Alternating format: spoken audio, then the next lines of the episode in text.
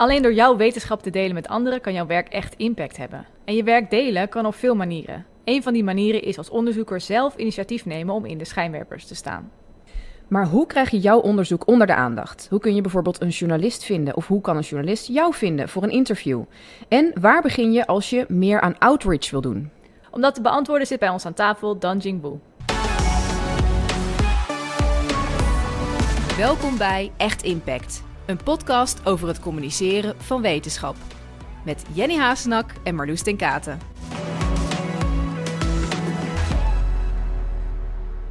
Welkom, Dan Jing. Dank je. Leuk. Ja, jij, jij eh, studeerde biomedische technologie en je bent inmiddels postdoc hier aan de TU Eindhoven, waar wij ook zitten op het moment. Eh, je bent een van de Faces of Science van de KNW en je hebt heel veel interviews gedaan voor radio en voor tv. Je bent heel vaak op het podium te vinden om iets te vertellen over je onderzoek. Dus jij weet precies hoe het is om als wetenschapper in de schijnwerpers te staan en hoe je je onderzoek communiceert met mensen buiten wetenschap. Ja, Eh, klopt.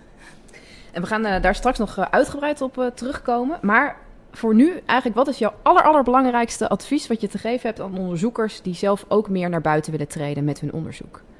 Ik zou toch zeggen zichtbaarheid creëren. Dus je moet echt vindbaar zijn voor anderen om jou überhaupt een podium te kunnen geven. Ehm, ja, daar, daar, ja, daar zou je mee kunnen starten met bijvoorbeeld een blog of, eh, of op social media. Al dingen posten, eh, delen over je onderzoek. Ehm, ja, en, en je enthousiasme natuurlijk. Want is bijvoorbeeld eh, een profielpagina van jezelf op de website van de universiteit, is dat niet voldoende voor zichtbaarheid? Nee, dat is zeker niet voldoende. Daarnaast is het ook, denk ik, eh, de taal die erop staat. Want vaak op de website staat het in het Engels. Dus daar moet je eigenlijk ook een beetje rekening mee- houden. Want als journalisten je zoeken, gaan ze toch in Nederlands zoeken. Oh ja. Dus het is heel handig als je een pagina hebt in Nederlands. En bepaalde zoekwoorden. Hè? Want op mijn pagina op de universiteit staan volgens mij alleen maar jargon en, eh, eh, en termen die we in wetenschap gebruiken. Maar op een andere pagina, een Nederlandse pagina van mij, ehm, zet ik zelf dan veel meer ehm, ja, in, in toegankelijke taal. Ja. Ja. ja, dus het is echt gewoon belangrijk om jezelf op het internet te laten zien wat je doet in de taal die journalisten spreken. ja, zeker. Wat je- Wat heb je dan staan eh, als je, jij jezelf op je kaart hebt gezet? Ja, ik probeer toch eh, altijd het grotere plaatje te laten zien. Wat wij zouden kunnen bereiken met ons onderzoek. En dan eh, ga ik stappen terugzetten naar eigenlijk het fundamentele werk wat, wat ik doe. Ehm, ja, dus dan begin je eigenlijk altijd met, nou, wat kun je? En onze droom is toch om ooit een eh, kloppend hart te kunnen bouwen. Ehm, ja, voor mensen die dus een slecht hart hebben, een tra- harttransplantatie nodig hebben. Ehm, nou ja, hoe komen wij daar? Eh, in onze onderzoeksgroep focussen wij op biomaterialen. En dus we kijken echt moleculair naar de materialen. Ehm, we maken een materiaal met slimme signalen erin. En ehm, die kunnen cellen aansturen om te groeien. Nou, dus je moet je voorstellen dat we dus eigenlijk een hele slimme bouwstellage voor een cel maken. Ehm, en, en daarmee zorgen dat een cel gaat groeien. En in mijn geval doe ik dan onderzoek naar responsieve polymeren. En dat wil zeggen dat die bouwstellage dan zou moeten bewegen. Dus net als een klopping van een hart. Dus dat, dat je ervoor zorgt dat moleculen uit zichzelf kunnen bewegen, eh, in kunnen krimpen, uit kunnen zetten.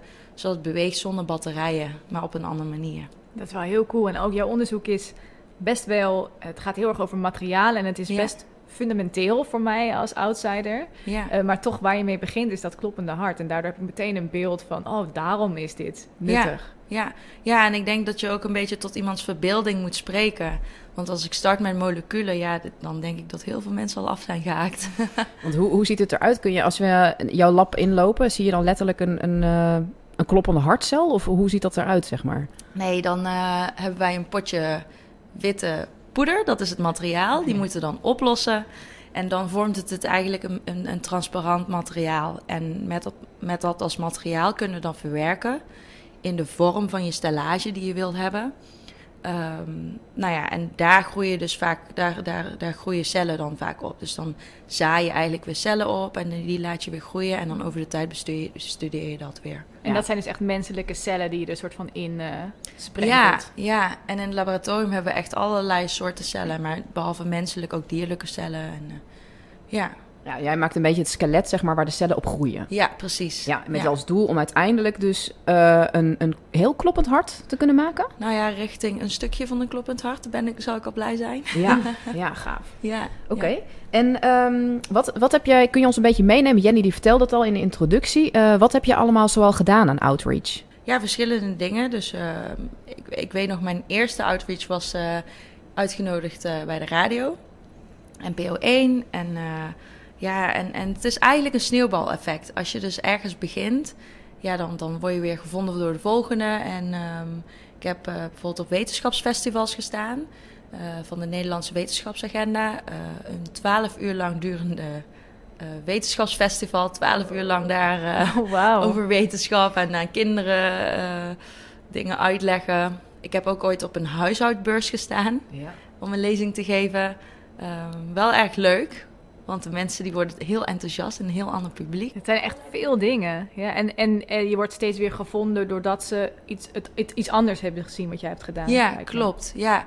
ja, of bijvoorbeeld Universiteit van Nederland, dat filmpje, dat wordt best wel goed bekeken. En vanuit daar vinden ze mij weer voor eh, een ander podium. Want het is ook makkelijk als je video's van jezelf online hebt staan. Mensen zien ook hoe jij spreekt, je enthousiasme voor wetenschap. En dan eh, ja, word je ook vaker eh, uitgenodigd. Dus dat is ook wel een hele goede voor zichtbaarheid. Ja, Ja. dat is ook wel een heel goede tip, ja. Ja, zeker. Ja. Ja. Ja. En eh, wat was voor jou de reden dat je ooit daarmee begonnen bent? Eigenlijk vond ik presenteren verschrikkelijk. Ja. ik was daar zo bang voor en eh, ik vond het echt niet leuk. Maar mijn professor zag er toch iets in. En eh, toen had ze me genomineerd voor KNW, de Faces of Science. Ja, en, En, en eh, wat, wat is Face of Science? Heel veel zijtakje Oh voor ja, mensen die dat sorry. Faces of Science is eh, een initiatief van KNW om eigenlijk ieder jaar twaalf eh, jonge wetenschappers te selecteren uit verschillende disciplines.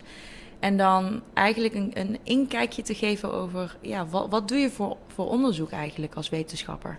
En dan niet alleen maar wat ik bijvoorbeeld doe als eh, biomedisch technoloog, maar ook wat eh, iemand, eh, een sterrenkundige doet of zo bijvoorbeeld. Ja, echt een platform om, om jonge onderzoekers zichtbaar te maken. Ja, maar eigenlijk ook om onderzoek en wetenschap te promoten bij jongeren. Dus Oh. doelgroep is echt jongeren, om jongeren te stimuleren en enthousiast te maken voor wetenschap. Ja, Ja. precies. En eh, Ja. even kijken, je was daarmee begonnen, zei je van je vond presenteren vond je eigenlijk doodeng. Ja, En ook niet leuk, geloof ik, ja, als je in je gezicht kijkt. ja. Ehm, maar jouw, jouw professor, die stimuleerde jou om dat te doen. Ja, klopt.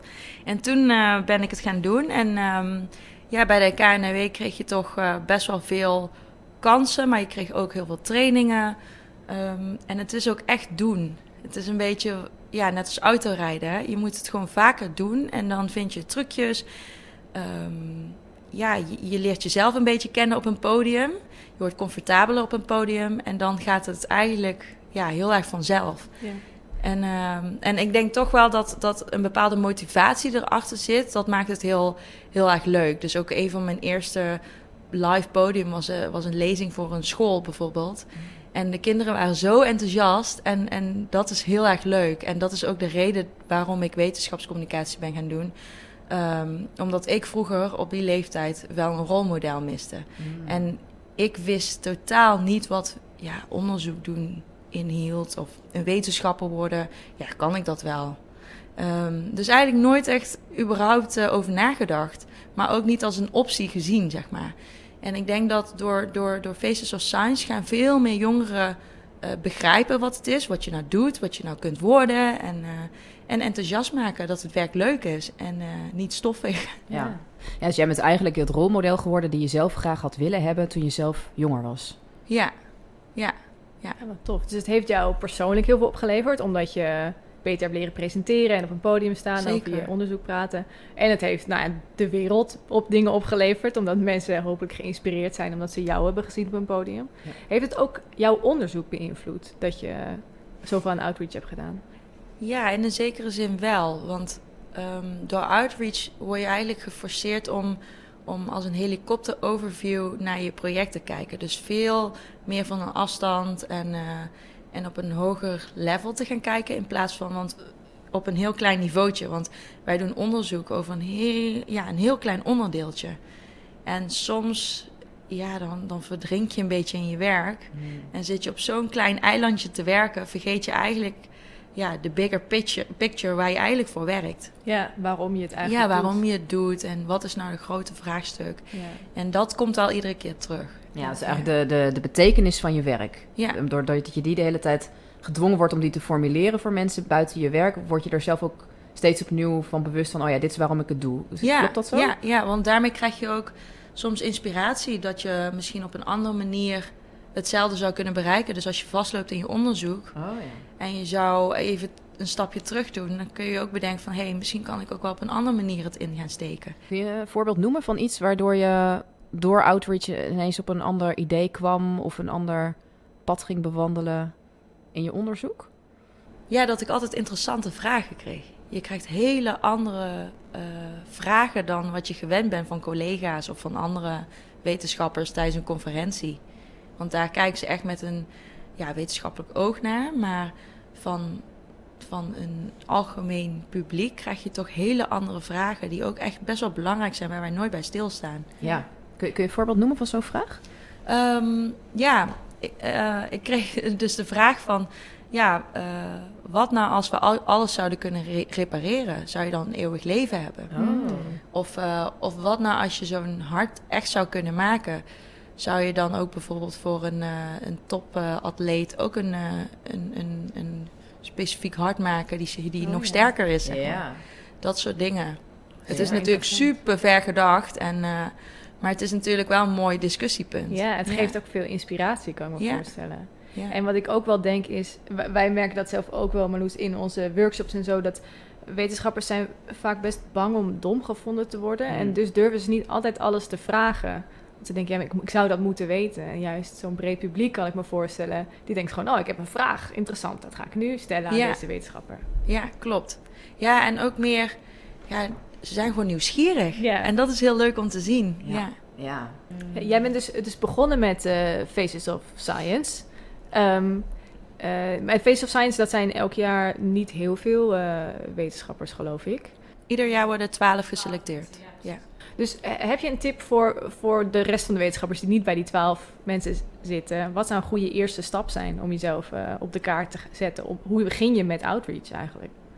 Ik zou zeggen laagdrempelig, wat, wat, wat comfortabel voor je voelt. Dus hou je van social media, ja, dan zou ik daar beginnen te posten met een specifiek account, gefocust op je onderzoek, ehm, met een thema dus daarin. En, eh, en, maar ben je veel beter in, in een soort van schrijven in verhaaltjes, ja, dan zou ik zeggen start een blog. Want dat hebben wij bijvoorbeeld bij, eh, bij de KNW ook.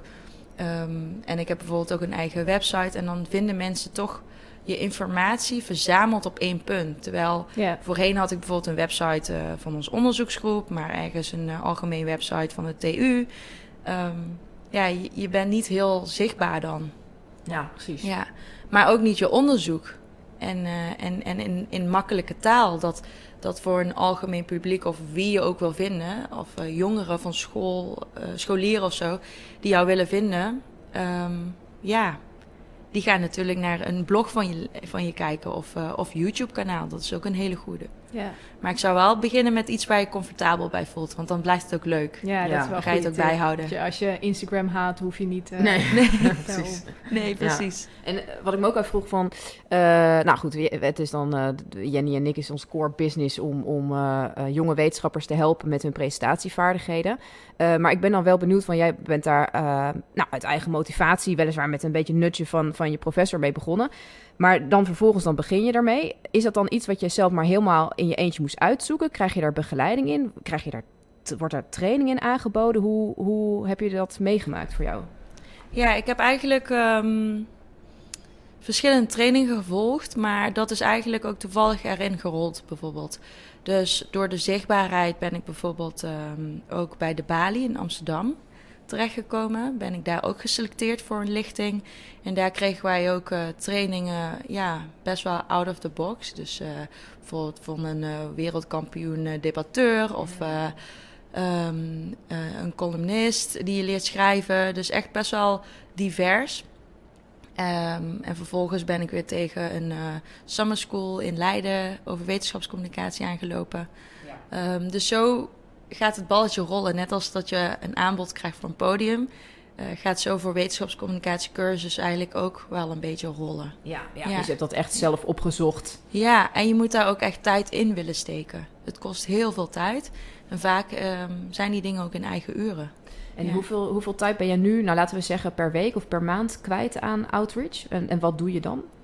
Oeh, Zeg maar, is het, is, ja. is het bijvoorbeeld van, eh, heb je bijvoorbeeld letterlijk, eh, nou, de vrijdagmiddag tussen drie en vier, dan ga ik even twitteren of zo? Of, of ja, nee, hoe- eigenlijk niet. Nee, nee, nee. Het is echt... eh, ja, wanneer er iets aankomt waaien, zeg maar. Ja, Ja. ja. voorheen wel iets meer, voor COVID natuurlijk. Ja. En nu merk je weer dat het rustig op gang weer komt. En ik heb wel een periode gehad dat het zoveel was dat ik echt... Ja, zeker één keer per week ergens naartoe moest reizen om een lezing te geven. Of een interview. En dat werd best wel veel. Naast een promotie die je ook nog meer dan fulltime doet. Ja. En ehm, krijg je nou als wetenschapper daar dan voor betaald? Of eh, moet je dat echt in je vrije tijd doen? Nee, als wetenschapper krijg je dus niet betaald. Ehm, ja, je krijgt vaak een eh, reiskostenvergoeding of een boekenbon Ja. of een powerbank. Maar desalniettemin haal je er voor jou dus wel genoeg uit dat je dat blijft doen. Als Ja. ik jou zo hoor. Ja, ja. Ja, het is nu wel eh, ehm, een beetje geshift. Dus eh, je, je legt ieder jaar toch weer ja, prioriteiten ergens anders. En in het begin van de fase van mijn PhD was het iets rustiger. En, en was het voor mij allemaal nieuw en was het dus heel erg leuk.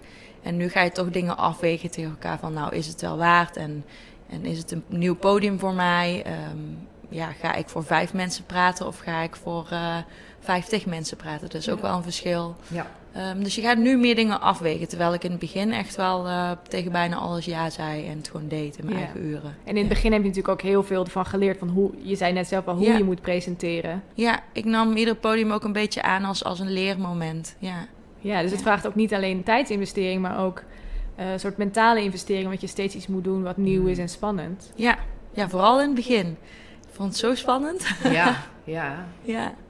En wat, wat zou jou, ehm, dus je zegt al voor beginnende wetenschappers van, eh, nou, je, je moet gewoon ergens beginnen.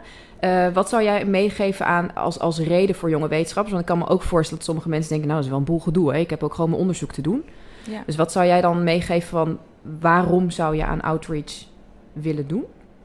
Ja, ik denk dat het bij iedereen toch wel persoonlijk, eh, persoonlijk ligt. Maar ik denk dat als mensen jullie podcast eh, opzoekt, dan eh, hebben ze al heel veel interesse voor.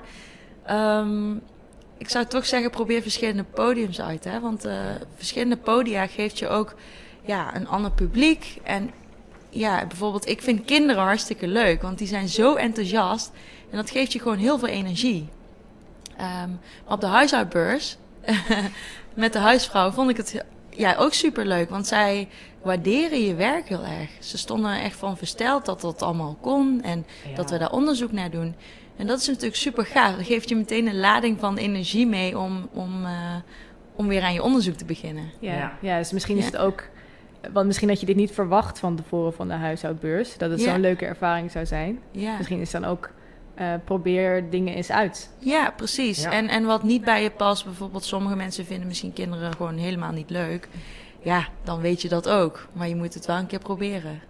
En eh, welke tips zou je hebben voor iemand die denkt, ja, maar ik ben hier helemaal niet geschikt voor. Dit kan ik helemaal niet.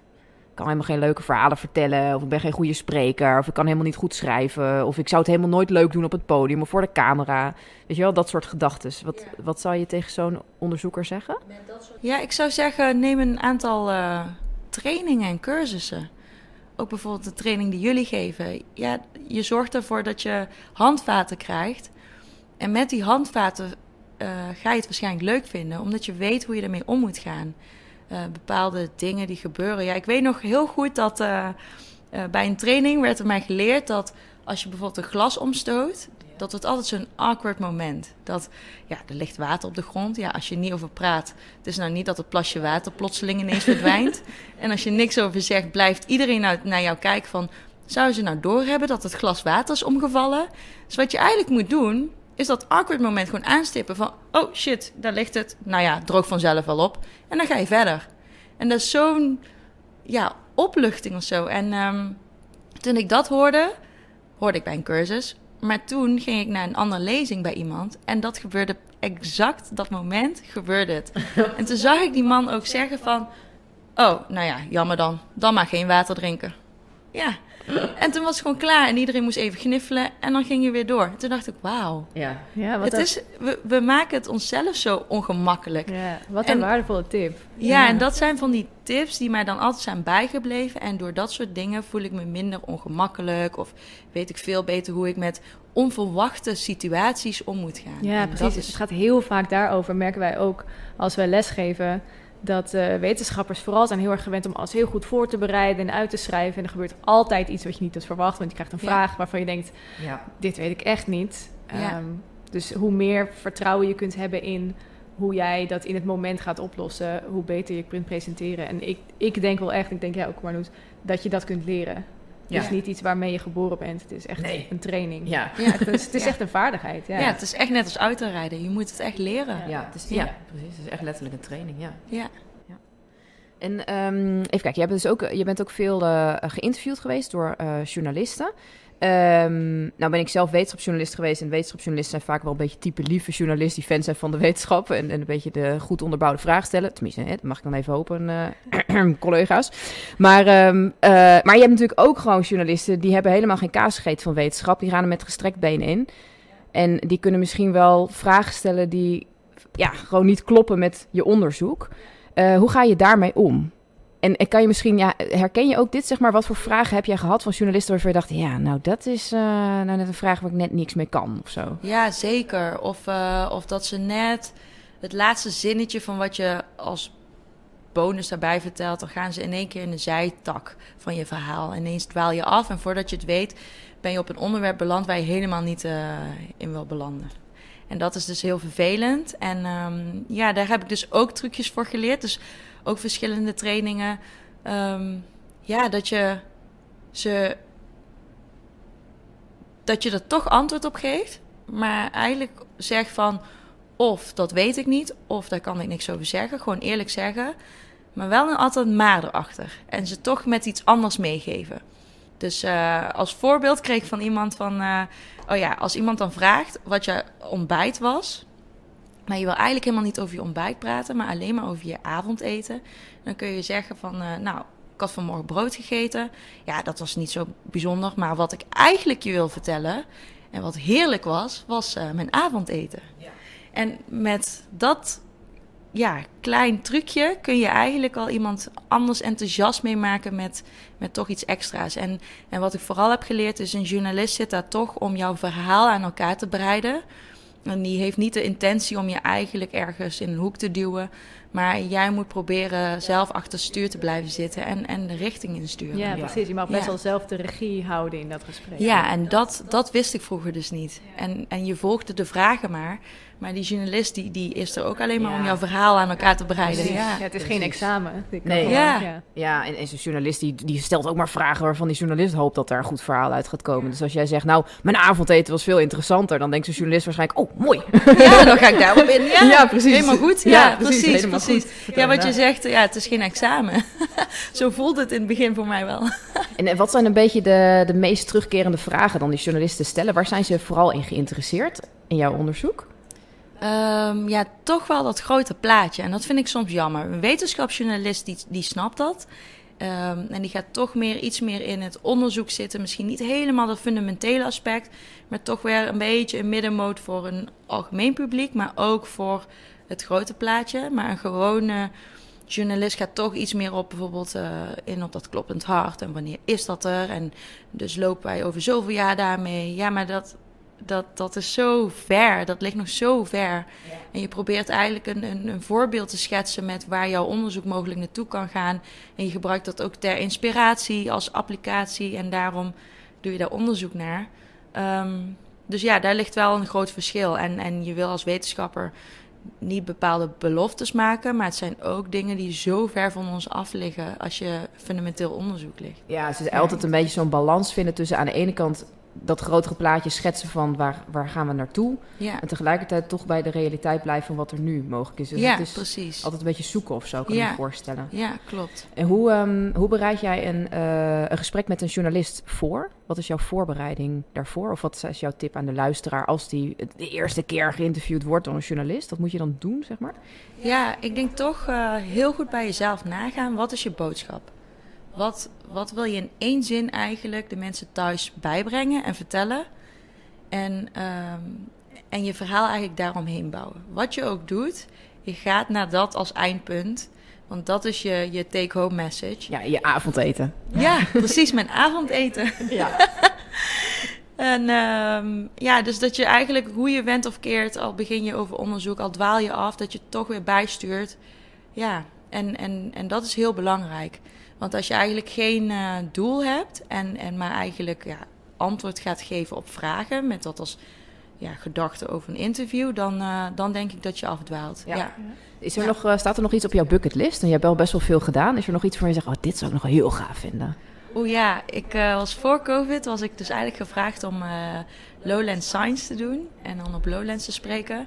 Alleen helaas was het afgelast door COVID en nu hebben ze een ander plannetje. Maar ik zou daar nog een keer eh, Ja. heel graag nog een keer willen spreken. Iets met wetenschap gaan doen. Dat Oh. lijkt me heel leuk. Dus Lowlands, als je luistert, eh bel Danjing even. En als laatste, Danjing, ik, ik wil nog wel weten, is er iets wat jij nog tegen luisteraar wil zeggen, wat je iemand zou willen meegeven? Of wat is jouw take-home message voor dit interview? Ehm, ik zou zeggen gewoon doen. Echt, echt doen. En, eh, en het is echt een sneeuwbaleffect. Als je eenmaal begint, ja, dan, dan leer je ook mensen in dat wereldje van wetenschapscommunicatie eh, kennen.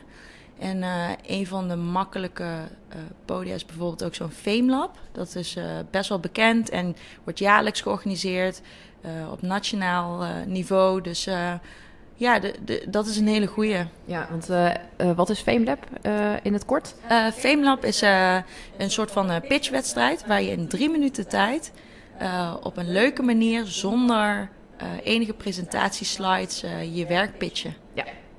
Ja, er zijn al meerdere talenten gescout volgens mij de afgelopen paar jaar. Dus dat is een hele, hele mooie manier om jezelf Ja, zichtbaar te maken. Dus nou ja, ze hebben toch al even een paar tips zo meege- meegekregen. hè? Face of Science, FameLab, ja, bloggen, vloggen. ja. En bouw je netwerk op. En, ja. Oh ja, ja, precies. Bouw je netwerk op. Ja, nou super. Ja, dankjewel Danjing voor je antwoorden en je tips. Ehm, als mensen meer over jou willen vinden of ze willen met jou in contact komen, eh, waar kunnen ze dat doen? Ehm, ja, ze kunnen kijken op mijn website. Daar staat ook mijn e-mailadres. eh, dus kunnen ze me benaderen voor tips of wat dan ook. Eh, mijn website is dus mijn naam, danjingwu en dan .nl. Dit was Echt Impact. Communiceer je wetenschap, de podcast. Wil je tips van ons hoe je je wetenschap communiceert? Ga dan naar www.echtimpact.nu download. Daar kun je ons gratis e-book downloaden met daarin de meest voorkomende valkuilen van een wetenschappelijke presentatie. Dankjewel voor het luisteren. Tot de volgende keer.